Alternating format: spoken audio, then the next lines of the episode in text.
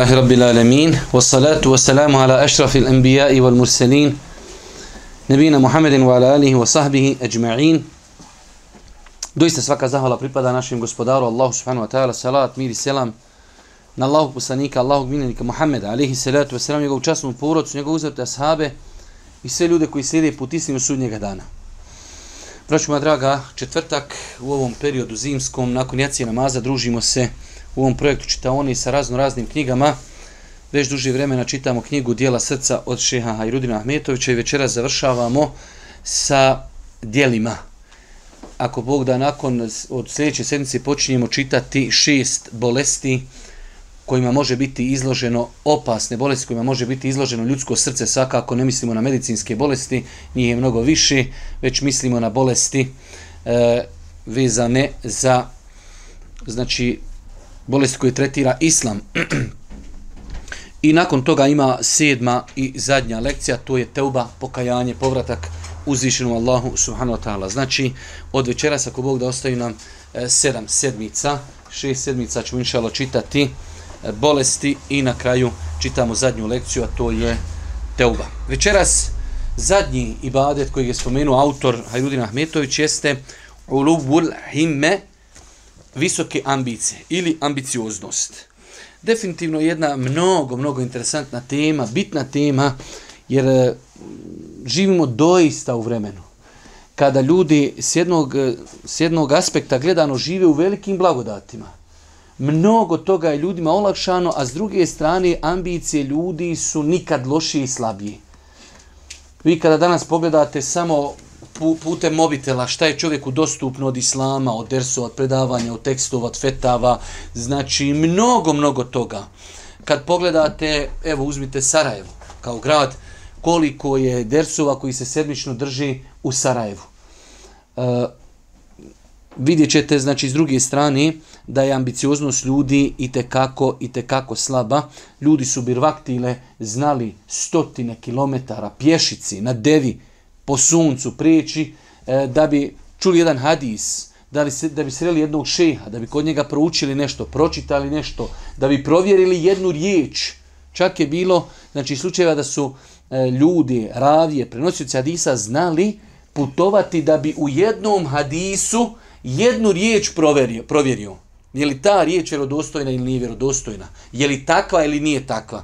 Znači ljudi su uh, u prethodnim vremenima zaista kada je u pitanju ambicioznost imali mnogo, mnogo veće ambicije od onoga što mi danas uživamo. S druge strane, mi danas uživamo i možda je to baš taj razlog, jer insan jednostavno, kada ima blagodati, u datom momentu na njih se i osloni.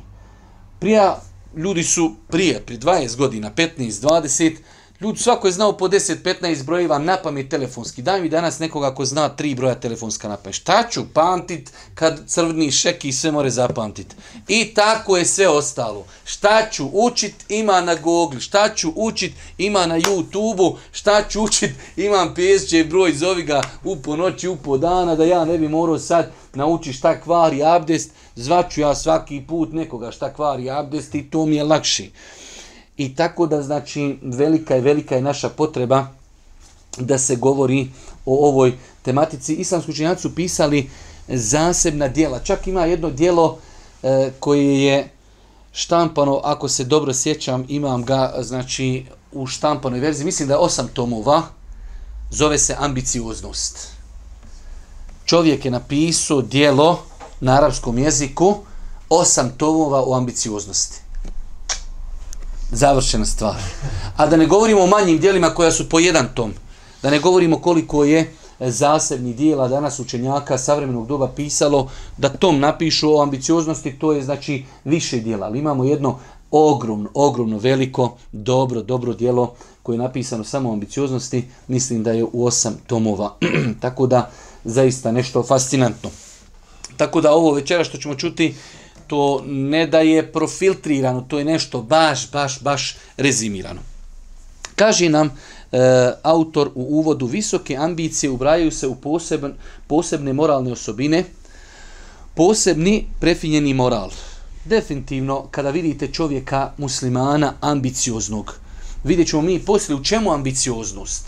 U ambicioznost u redovnom obavljanju namaza, ambicioznost u čuvanju jezika, ambicioznost u ponašanju, ambicioznost u ibadetu, ambicioznost u učenju Kur'ana, ambicioznost u dersovima, ambicioznost, ambicioznost, preciznost u e, poštovanju ugovora, poštovanju termina. Sve je to ambicioznost. Pa je to definitivno jedan od najljepših, e, najljepših osobina kojima se čovjek može e, opisati da imate čovjeka koji je ambiciozan. U svemu. Kada traži nauku, on je ambiciozan. Kada studira, on je ambiciozan. Kada radi, on je ambiciozan. Kada daje termine, on je ambiciozan. Kada uči Kur'an, on je ambiciozan. Kada uči strani jezik, on je ambiciozan. Definitivno je to nešto za čime bi trebao svako da mašta i da žudi. Priželjku ih žudi je za njima plemenite duše čiste prirode. Osnove, osnove su za svaku drugu moralnu osobinu. Definitivno, svaka moralna osobina vezuje se i tekako za ambicioznost. Nemoguće je postići, hajde da kažemo, redovno klanjati noćni namaz, osim da si ambiciozan. Nemoguće je ostaviti loše e, riječi u vokabularu kada pričaš, osim ako si ambiciozan. Nemoguće je biti precizan, osim ako si ambiciozan. Nemoguće je biti merhametli, osim ako si ambiciozan i tako dalje. Pa znači, ova tema se vezuje za mnoge druge teme. Naučiti Kur'an nemoguće osim sa ambicioznosti. Značenje visokih ambicija. Kaže nam autor, u šerijetu se pod ovom riječu podrazumijevlja, znači misli se samo pod, e, on je ovdje napravio razliku, e, hime, himetun, kao e,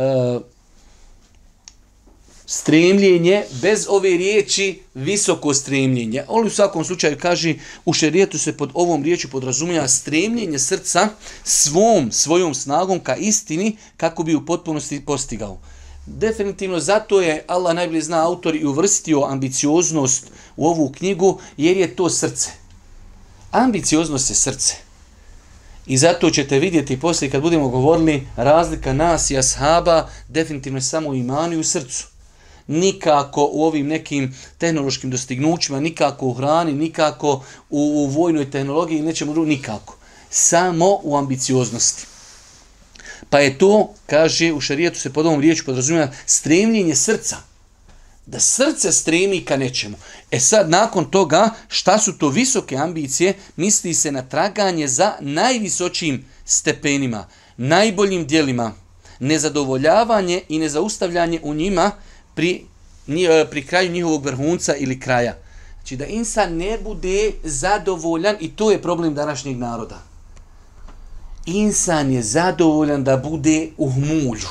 Zadovoljan je, ja nekad malo kad se sa svojom djecom, koji insan, imaš djecu, pa imaš i problema, imaš u školi, dobije djete jedincu. Ja reko, ja, ja sam takav, naopak.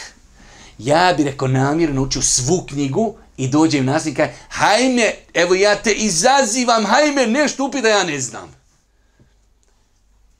Znači da insan neću da budem, da budem negdje na dobio jedincu, neću da budem Učim Kur'an muc, tuc, muc, ne znam, hoću. Jedan dan došao na vrijeme, drugi dan nisam došao. Jedan dan ispunio, drugi dan nisam. Jedan dan slago. Neću da budem takav. Hoću da dođem do vrha u svemu.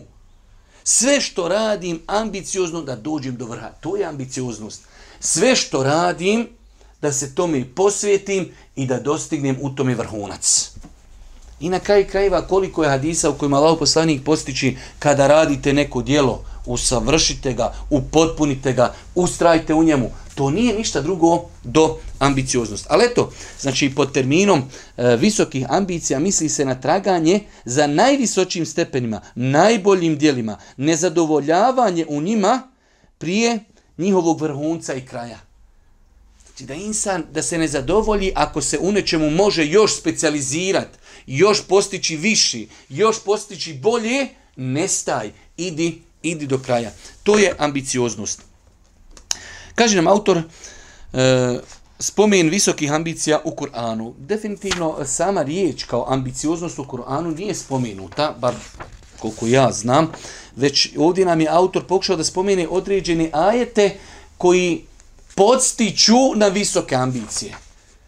Znači, e, moramo, jer dosta puta prije kad smo govorili, govorimo o nekom ibadetu, tragali smo za terminima u Kur'anu koji govori o tom e, dijelu. Ovdje, znači, ne postoji, ne postoji e, ajet koji kaže baš ambicioznost ali definitivno je ajet koji indirektno i te kako podstiču nam ambicioznost. Pa kaže se u prvom ajetu koji nam je citirao e, autor u Osariju ila magfirate mir rabbikum u ođenneti na arduha semavatu val ardu u iddet lil mutteqin i požurite ka oprostu svoga gospodara i džennetu koji je prostran, koliko su prostrane nebesa i zemlja pripremljeni za bogobojazni.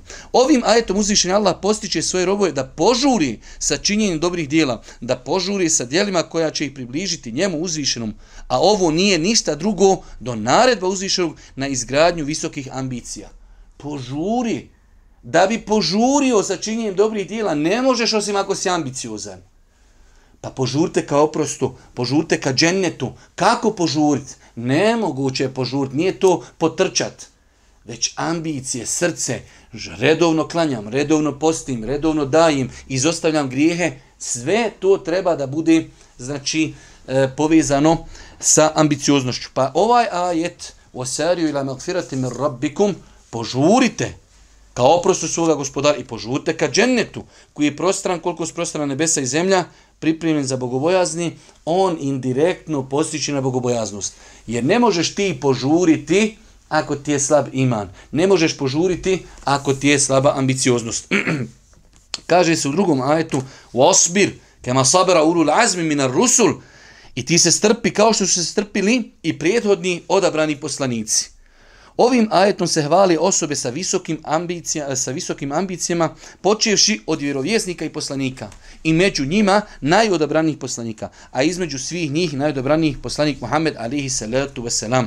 Njove visoke ambicije ogledaju se u njihovoj ustrajnosti u borbi na Allahovom putu, u pozivu Allahu uzvišenom i srpljenju na svemu onome što ih je e, snalazilo na tom putu. Allah Đelšanu kada kaže ti se strpi kao što su se strpili odabrani poslanici i to je opet hvaljenje tih poslanika zbog njihove ambicioznosti. A i to je podstrijek insanu da bude ambiciozan. Najbolji ljudi su poslanici. Pa ti Allah kaže, strpi se ti, budi kao oni. Oni su bili ambiciozni, oni su se borili, oni su pozivali, oni su saburali. Nisu to mogli postići osim ambicijama. Pa i ti takav budi i ti postigni takve ambicije kao što su to i oni postigli. e, kaže se u trećem ajetu e, min al-mu'minin rijalun sadaqu ma ahadu Allah alayhi faminhum man qada nahbahu wa minhum man yantazir wa ma badalu tabdila od vjernika ima e, ljudina koji su u istini koji su u istini u sume obećanju Allah od od vjernika ima ljudina koji su istiniti u svome obećanju Allahu, pa od njih ima oni koji su ispunili svoje obećanje, a ima i oni koji, e, koji čekaju da ga ispuni i u tome se ništa nije promijenilo. Uzvišeni Allah u ovom ajetu spominje pojedine vjernike sa riječima riđal, a koja se koristi za e, osobu visokih ambicija. Minel mu'minine riđal. Ima, kaže, među mu'minima, ovo baš Arab, to čovjek mora sam na arapskom sat, riđal. Riđal muškarčine, ljudi. Ima, kaže, takvi ljudi koji ništa nisu u svom životu promijenuli. Drže se Allahovog principa, drže se e, Allahove vjere i tako su ustrajni. Pa je u tome, kada hvali uzvišeni Allah te ljude zbog toga, u tome je njihovo hvaljenje što su bili ambiciozni, što su bili muškarci, što su bili jaki, što su bili strpljivi, u tome je svakako postrijek i svima nama.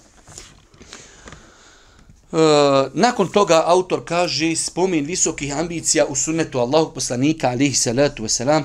Rekli smo mi više puta da autor Allah ga nagradio svaki put o nekom dijelu govori prvo kroz Kur'an, nakon toga govori kroz sunnet Allahog poslanika alihi salatu wasalam. Pa kaže e, od Hakim ibn Hizama radi Allah to nas prinosi da Allah poslanika alihi salatu wasalam kazao gornja ruka je bolja od donji. Počni sa onim koga si dužan izdržavati. Najbolja sadaka je ona koja se podijeli u siromaštvu.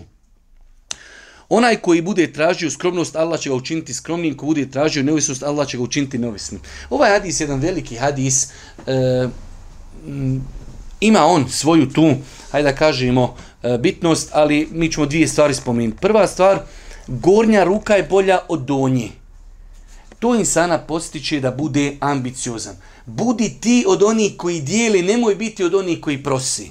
A ne možeš to postići osim ambicioznošću budi od onih koji daju, koji troši, koji zarađuju, pa udjeljuju, a nemoj biti ono, to je ono što smo na početku rekli, danas dosta puta su ljudi zadovoljni, hajde kud svi, i ja tu, pa svi pali, pa i ja pao, ne, vjernik ne razmišlja tako, ja hoću da budem Ne želeći da se dokazuje, ali želim da uspijem. Hoće svi u propast, ja neću u propast. Hoće svi da mucaju, ja neću da mucam.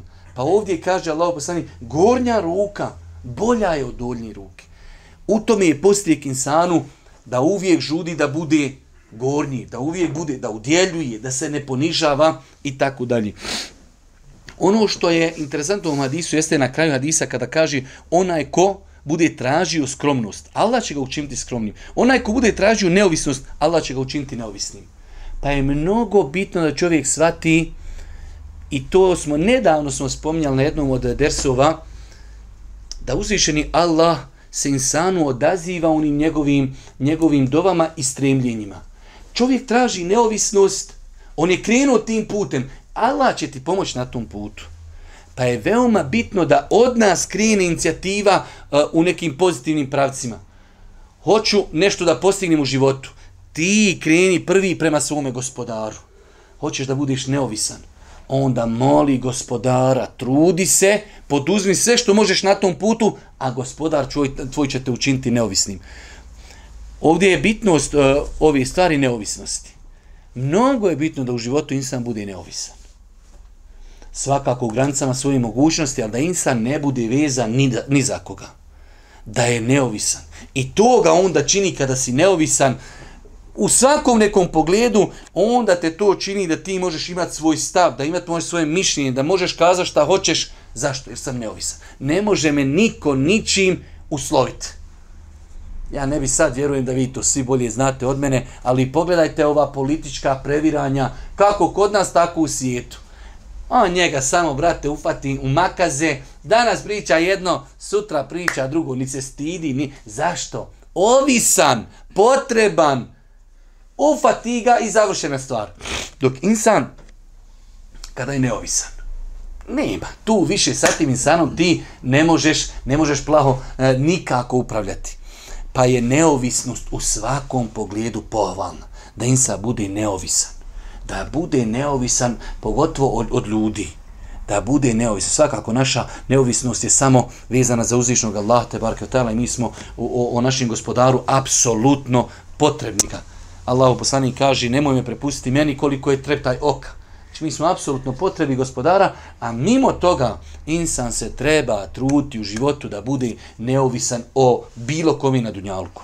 Bilo koja ovisnost tebe sputava i bilo koja ovisnost pod navnim znacima kad ta će tebi doći i razbit će se od glavu. A znaš kad sam ti ja uradio, neš mi više nikad uraditi. I to ti je znači ne dopusti da te neko uhvati i, i hajde da kažemo te ucijeni. Allah poslanik Ali Selatu Selam kaže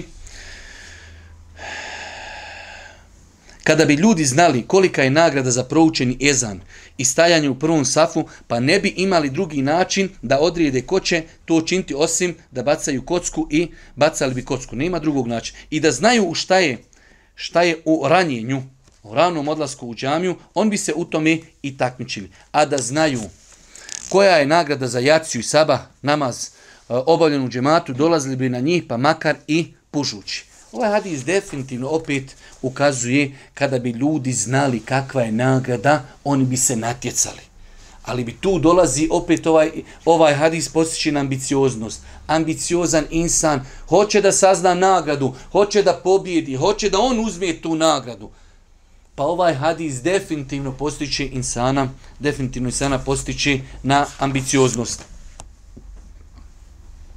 Reći će se, kaže učaču Kur'ana na sudnjem danu, uči i penji se, kao što si učio na Dunjalku. U istinu, tvoj položaj će biti kod zadnjeg ajeta kojeg si učio. Ovaj ajet postiče insana ambicioznost. Neću ja da budem onaj, smo nekad davno držali onaj der zadnji koji će ući u džennet. Ma dan je zadnji, ne, ne hoću da budem hafiz, hoću da učim, učim, učim, učim, do vrha da dođim. A to može šta? Samo ambicioznost. Pa nas ovaj hadis i mnogi drugi hadisi postiču, postiču nas na ambicioznost. Vi znate da je došlo u vjerodostojnom hadisu da Allah poslanik Ali Sad sam baš u ovom kontekstu kaže kada dovite, dovite Firdeus. Vrh ja to volim kod ljudi. Ja, vjerujte, kod ljudi volim sam ambicioznost. Nisam ambiciozan, da Allah oprosti, ali volim ambiciozne ljude. Kada vidim čovjeka, informatika, taj lik, svi njega pitaju iz informatike. Vr, engleski, priča engleski bolje nego engles. Tako volim. Precizan, precizan. I badet, kad uči, uči, kad klanja, klanja. To je, brate. Zato sam kaže, kad dovite, Firdeus, ma hoću, meni nije interesantno da bilo gdje budem u džennetu. Ne, hoću da budem u vrhu, hoću da budem s poslanikom, hoću da budem sa Ebu Bekrom, hoću da budem s Omerom, samo vrh. To je, to je ambicioznost. Zato ćemo vidjeti da Allah poslanik Ali Selatu Seram i svoja sahabe, kada ona žena dolazi, kaže Allah poslanik imam padavicu. Kaže, strpi se, imat ćeš džennet. Džennet! Završeno. Danas čovjeku citiraš hadis, ako to uradiš, džennet. I, a šta poslije? I ko je to zapisao? Ko je Buharija? Šta, šta ti ljudi sve su spremni reći? Ovi za džennet. Gotovo, on ne vidi više. Slijep, ne vidi ništa. Džen, ja ovo uradim džennet. Završeno. Za njih je to bila najveća satisfakcija. Ovo ako uradiš, nagrada je džennet brate, što ne klanjaš, što ne postiš, ako... Ma, brate, odbija se ko pom, ping pong loptica. Ništa. Pa znači ti ljudi su bili ambiciozni. Vi pogledate Ebu Bekra, pogledate Omera. Ebu Bekra, radi Allah teranu, poslanik posle sabaha pita. Ko je klanio dženazu? Sabah tek čekaj 24 sata da, da se ubi. Mi tek zjevamo, nismo ustali ba nahranio siromaha, obišao bolesnika, klanio dženazu, zapostio. Ja sam se par puta napnijem se da mi je da ove četiri stvari ujagnim u toku jednog dana. Tri uvatim četvrtu, ne mere da si kruh. Ebu Bekre do sabaha to se završi. Par puta vjeruj pokušam, ne mere. Zapostim, niko nije umro. Ako je neko umro, ja nisam zapostio. Ako ja zapostim, neko umro, ne možeš naći bolesnika. I tako, jednom sam ganjo, nemam koga je nad sadake, a sunce zalazi. Ja, rab, tri ufatio i mrtvaca i bolesnika i zaposlio, nema sad, nemam kome sadake dat. Kad, nema, kome je da sadake sad? Nema, niko ne treba sadake. Nema.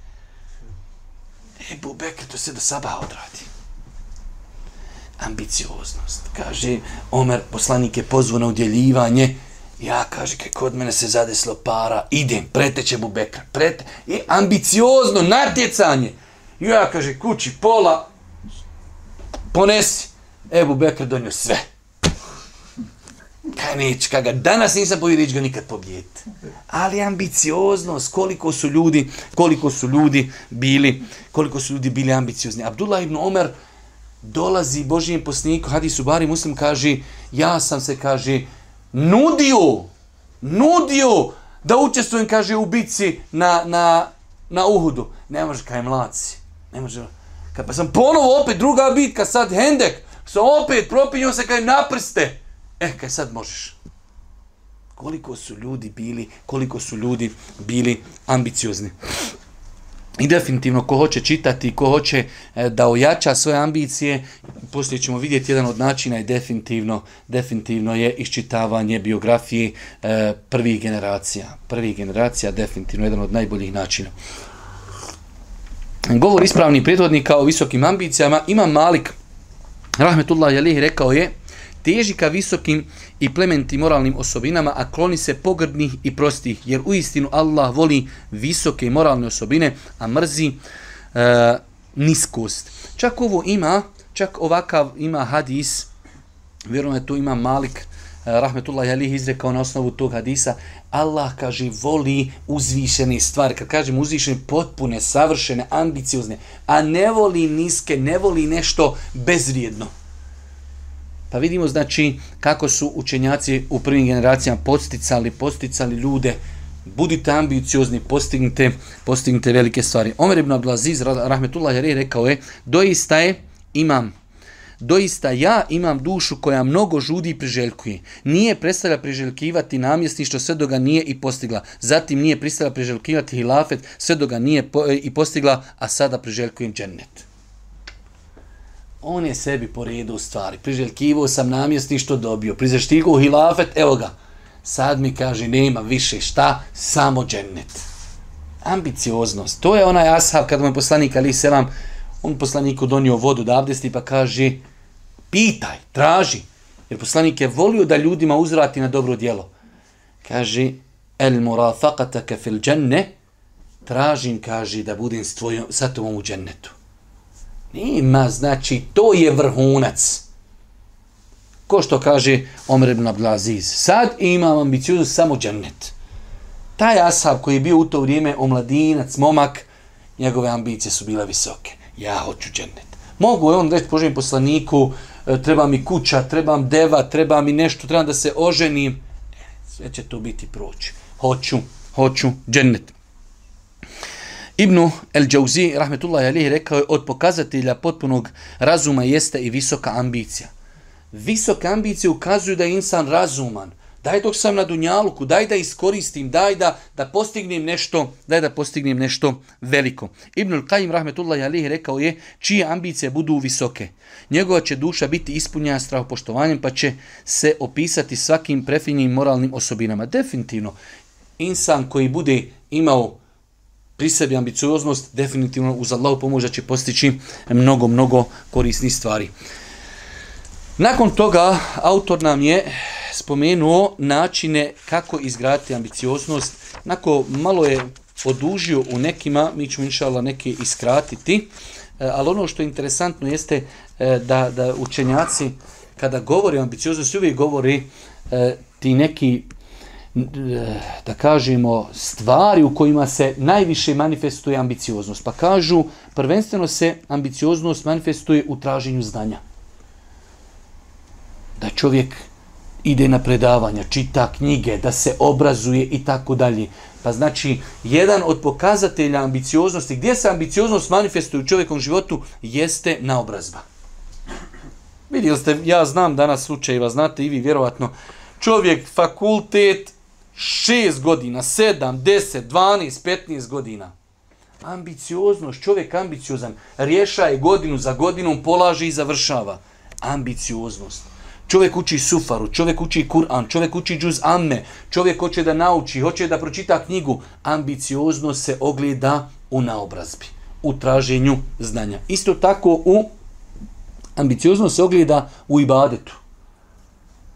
Nemoguće da insan E, bude kontinuirano ibadeti, da li je to dobrovoljni post, da li je to noćni namaz, da li je to sadaka, da li je to zikrullah, da li je to e, nešto drugo, osim ako je ambiciozan. Isto tako, pozivanje Allahu subhanahu wa ta'ala kada u pitanju e, dava, pozivanje ili E, da se insan stavi na raspolaganje islamu, da udjeljuje od svoga imetka, od svoga zdravlja, od svoga života, od svoje porodice, da poziva, da se trudi, da je tu, da je na raspolaganju, može insan samo ako je ambiciozan. I na kraju isto tako u odgoju. Nemoguće je ljudi, vjerujte, pogotovo mi živimo u poprilično, poprilično teškom vremenu, teškoj sredini u smislu uh, ovo nikako ne negira ono što smo nedavno govorili da živimo u velikim nijametima.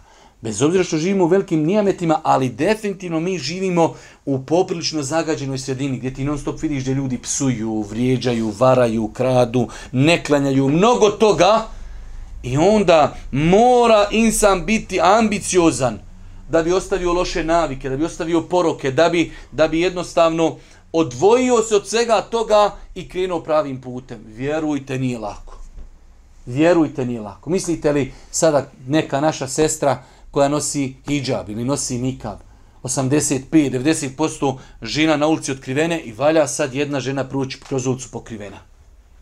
Treba na poslu klanjati. Treba, nije to lako, mora insan da bude u svemu tome ambiciozan. Nakon toga kaže nam autor način, način izgradnje visokih ambicija.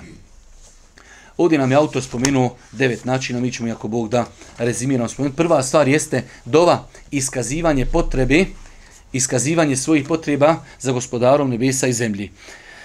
Kaže se od Ebu Huriri, radi Allahu te vam spremstvo, Allahu poslanik alihi salatu wasalam je kazao, najveći škrta, škrtaci jesu oni koji škrtari sa selamom, a najnesposobniji ljudi doista su oni koji nisu u stanju ni dove da upute generalno insan treba mnoge stvari, rekli smo, koje u životu nailazi na probleme, jedan od načina, od metoda i svi ovi drugi ibadeti srčani, mi smo uvijek počinjali dova, dova, dova. Ja, rab, učvrsti me, ja, rab, pomozi me, ja, rab, učvrsti moje namjere, učvrsti moje ambicije, pomozi me, ne daj mi da posustam, učvrsti me na putu istine i tako dalje. Pa insan definitivno, definitivno, pogotovo u ovim teškim vremenima, vjerujte, živimo mnogo teškim vremenima.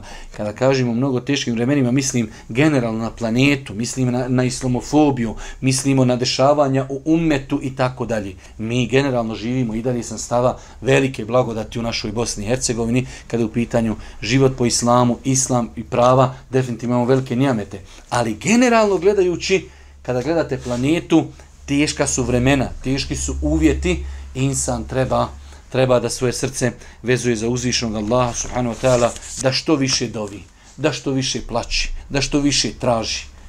Naš uspjeh je vezan za uzvišnog Allaha. Ako nas uzvišeni Allah ne učvrsti, ako nas on ne uputi, ako nas on ne pomogni, neće nas niko pomoći, neće nas niko sačuvati, neće nas niko učvrstiti na putu istine. Tako da, insan, insan znači, vjerujem da velika većina nas uh, ne iskorištava i bade dove onako kako bi trebalo da se iskorištava. E, druga stvar jeste, kaže autor, mnošto zikra, zikrullaha. Kako da zikrne uveća ambicije kod vjernika kada ga je uzvišen Allah subhanahu wa ta'ala naredio u najtežim trenucima i kada ga je učinio uslovom postizanja uspjeha, onoga što se priželjkuje. Ja ljudi na amenu, iza laqitum fi'etem fesbutu, wazkuru Allah kathiran la'allakum tuflihun, Ovo je čudan ajet. Kaže Allah Želšan, o vjernici, budite postojni kada se sa nekom četom sukobite. I mnogo Allaha spominjte da biste postigli ono što želite. Lahu ekver, borba ljudi, padaju granate, meci zviži oko tebe, e tada, kaže, tada Allaha spominjite. I nije, to ne može svako ko zna šta je rat, ko zna šta su granate, ko zna šta je pucanje, ko zna šta je, šta je, šta je belaj rata, u tom momentu da ti je na umi Allah i da ti je na umi zikrullah i veličanje Allaha, Đelešanuhu, ko može to? To može veliki insan. To može insan koji je svoj život dao za Allaha, dao za vjeru i on i u tim najtežim momentima vezuje se samo za uzvišenog Allaha subhanahu wa ta'ala. Kaže Allah poslanik alaihi salatu wasalam, primjer onoga koji spominje svoga gospodara Primjer onoga koji ne spominje svoga gospodara je primjer živog i mrtvog. To je subhanla tako se kod primjer.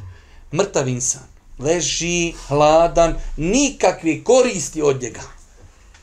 I živ insan kreće se, pridonosi, radi, zarađuje, poziva i badeti. To je živ insan.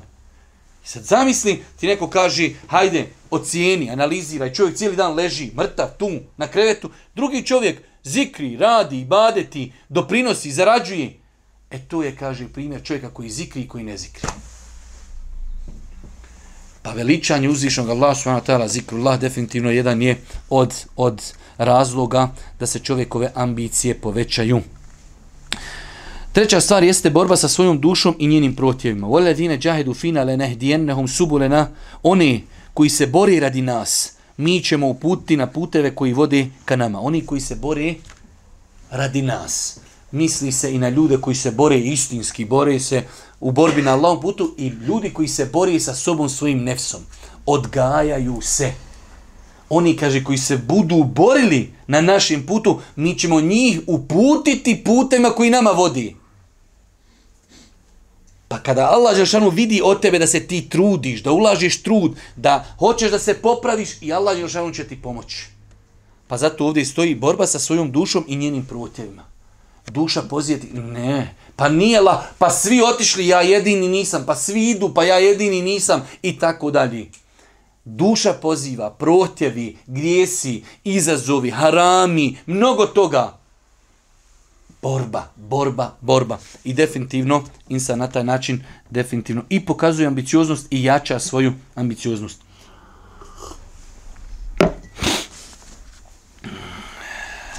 Ovdje nam je autor e, navodio razno razne predaje, ali mislim da je tu inšala dovoljno. Broj četiri, kratke nade i česti spomin susreta sa uzvišenim Allahom. Veoma interesantna i korisna uh, E, metoda i način kako da čovjek postigne ambicioznost. Kratka nada u život Dunjalučki. Nažalost mi opet, e, gledano sad, s aspekta ljudi se mnogo vezuju za materiju. I veoma je rijetko način sana koji jednom u hefti u 7, 15 dana, 20 dana, jednom kaže pa možda mogu umrijeti. Onog momenta kad čovjek sam sebe rekli možda bi mogu umrijeti, mora to u njemu polučiti želju da se usavrši, da radi više, da, znači njegova ambicioznost će se definitivno ojačati onog momenta kad, kad se čovjek sjeti da bi mogu umrijeti i kad nema nadu u dug život. Kad insan se kaže, pa znaš što je, tek mi je, evo, 40 godina. Većina familije moje živla 70. Ja imam još sam pred sobom 30 godina. Pa dobro, mogu ja još malo lagano, pa ću ja poslije tamo u 69. to ja ću malo ubrzat. Ali kad insan kaže, a šta može sutra umriti? A, pa šta, pa šta? Ma daj da požurim, daj da radim, daj da zikrim, daj da uradim nešto za umet, za sebe, da popravim loše navike i tako dalje. Tako da, znači, ovo je definitivno jedan dobar, učinkovit metod da se čovjek prisjeti smrti. Da nema, znači, neke vizije, ja ću živjeti dugo. Svakako, čovjek treba da pravi planove, radim, radim, projektujem, živim, djelujem i tako dalje. To je definitivno. Ali isto tako možete, možete preteći smrt. Zato kaže, prenosi se od Abdullah ibn Omara, da je rekao, Allah poslanik ali se ratu sana, ufatio me za rame i rekao, budi na dunjalku kao da si stranac ili putnik, prolaznik. Abdullah ibn Omar bi govorio i dodavao na taj hadis, kada os omrkniš, ne očekuj da ćeš osanuti. A kada osaniš, ne očekuj da ćeš omrknuti. Iskoristi svoje zdravlje, znači iskoristi svoje zdravlje dok nisi bolestan, iskoristi svoj život prije smrti. Budi na dunjalu, vidite, ovo je jedan interesantan prije primjer su ljudi puno se putovalo, kaže kum fi dunja ka enneke garib evo abiru se bil. Budi na dunjalu kako neko prolazan. Najprije ljudi ono putuju karavane, on je došao danas kroz Sarajevo, prolazi, ima neku torbu, neka deva pored njega i on je tu prolazan. Tako smo mi na Dunjalku. Naš Dunjaluk je borav kratak, prolazni. Mi smo, ovo je stanica samo, prolazimo, kabur, sudnji dan, polaganje računa. Pa se insa ne smije plaho vezivati za dunjaluk. U smislu, nije problem čovjek ima kuću, da ima stan, da ima auto, ali da se ne vezuje zato da je spreman zato prekršiti Allahove granice. Nikako. To je već prekomirno vezivanje za dunjaluk. Vezuju se za dunjaluk, onoliko koliko nećeš kršiti Allahove granice da bi ga postigao i da bi u njemu uživao. Isto tako, napuštanje sredine ispunje, e, ispunjene grijesima i loših ljudi. Isto tako, znači, kako čovjek ojačati ambicije, da čovjek iziđe iz mulja. I znate onaj hadis i tu ga je autor i citirao Debu Saide al-Hudrija, kada onaj čovjek ubio 99 ljudi, pa ubio 100 ljudi, pa pitao onog učenog, gdje ću, šta ću, kako ću, mogu li se pokajati? Može. Ali kaže, idi tamo u drugu zemlju, tamo imaju ljudi koji robuju Allahu. Zašto? Jer sredina utječe na insana. Danas je teško da čovjek napusti sredinu, ali može čovjek, može čovjek organizirati svoj život. Neću da budem s ljudima koji su neambiciozni, neću da budem sa ljudima pokvareni, neću da budem sa ljudima koji će mene vratiti nazad, Teško je danas, kaže, otići ću negdje živjet. Ja moram tu biti, teško je, ali mogu organizirati sebe. Družim se sa moralnim, sa čestitim, sa ambicioznim, sa momcima koji će me pogurati, koji će pobuditi moje ambicije. To je to je definitivno jedan od načina i metoda da čovjek ojača svoju ambicioznost. Abdullah ibn Abbas radijallahu anhu kaže Allahove vlije jesu oni ka, koji kada ih vidiš podsjetite na Allaha. S takvima se treba družit. Čovjek koji kad sam ga vidiš odmah kaže stakfirullah, stakfirullah, hawla wala kuvata illa bil. Čovjek te posjeti na Allaha. Imaš ljudi dok ga vidiš, zaboraviš na dunjalku i na ahiret. Pa se treba družiti sa ljudima koji će u insanu buditi dušu, znači buditi i duh, dušu i duh, duh ambicioznosti. E, broj šest, udaljavanje od grijeha i loših dijela. Uzvišeni Allah s.w.t. je mudar i pravedni. Nikome ne čini nepravdu, nikoliko je e, trunka gorušice, pa i manje od toga. Stoga uzvišeni Allah ne odstranjuje visoke ambicije od svoga roba, osim zbog njegove težnje i zudnje, žudnje za grijesima, zbog njegova udaljavanja od svoga gospodara. Insan treba zaista e, grijesi, ubijaju ambicioznost u insanu. I dunjaluk i ahiret. Ti kad imaš čovjeka koji je u grijesima, kakve njegove ambicije, kakve, kakve njegova stremljenja, on se ne može izvaditi iz blata u kojem se nalazi.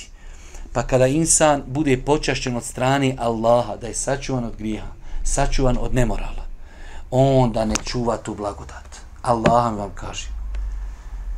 Koliko je ljudi e, bio je u grijesima i vrati se. I čitav život ga tu bocka šta ću, uradio, da li je moja teuba čista, pokajanje, primljeno ili nije, sestra prije nek što je stavila hijab, možda činila neke nemoralne radnje, sutra se pokrije, ima muža, ima djecu, ali čitav život osjeća problem onog grija.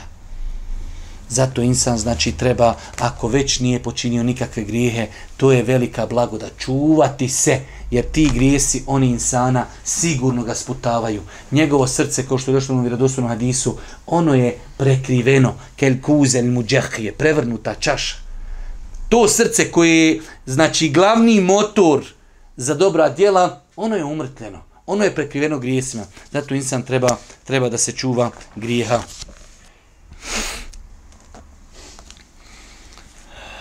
Nakon toga, e, ono što smo malo prije spomenuli, sedmi, e, sedmi metod iščitavanja biografije naših prethodnika.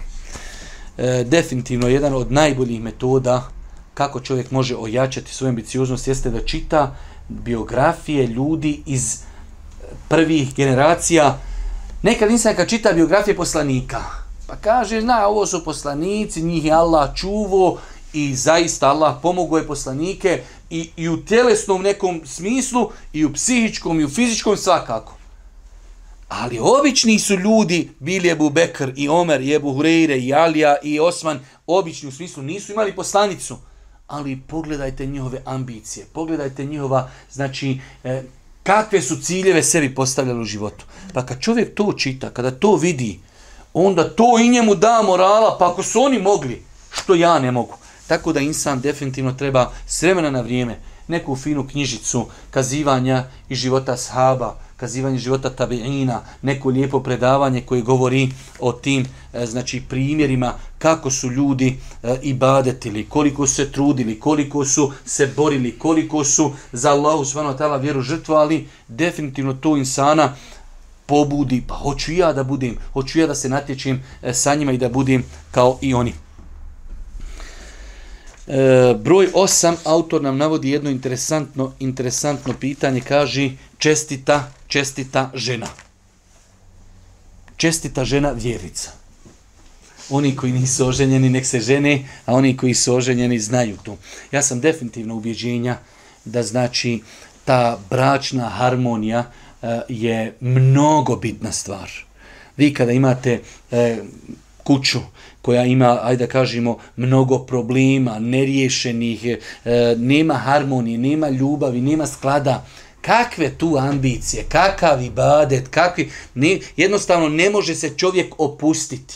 Dok čovjek, pazite, mi smo o tome više puta govorili, mora svaka porodca, poslanik, ali se vam je bio poslanik, pa imao problema sa svojim suprugama. Mora biti problema ali ne smiju ti problemi da se nagomilaju, ne smiju da se ne rješavaju, ne smiju da prijeđu u nešto da će čovjeka to demoralisati. Ne.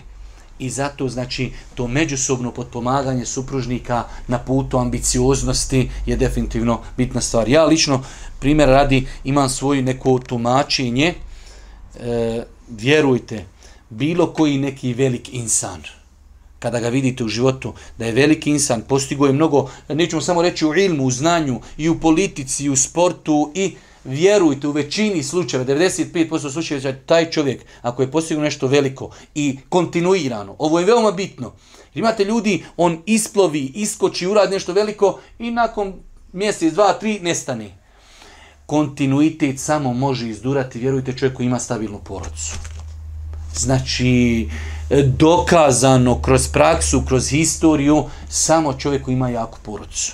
Ima jake, znači temelje, on iziđe u javnost, istroši se, trči i radi, on dođe kući tu puni baterije. Insan koji iziđe, radi za umet, da li rekli smo kroz politiku, da li kroz ekonomiju, da li kroz ilim, da li kroz znanje, on ode istroši se i onda dođe kući, nema gdje ukopčati da se napuni, da se refrešuje, da se osježi. I tako on guli. On napravi u podvig. I onda guli, guli, dođe, dođe, ne može, sve i sruši se.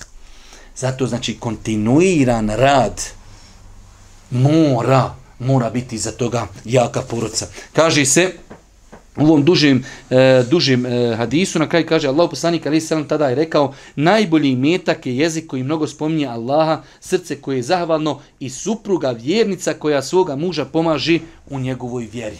To je najbolja stvar. Znači, kaže Allah poslanik, najbolji imetak je jezik koji mnogo spominje Allaha, srce koje je zahvalno i supruga vjernica koja svoga muža pomaži u njegovoj vjeri.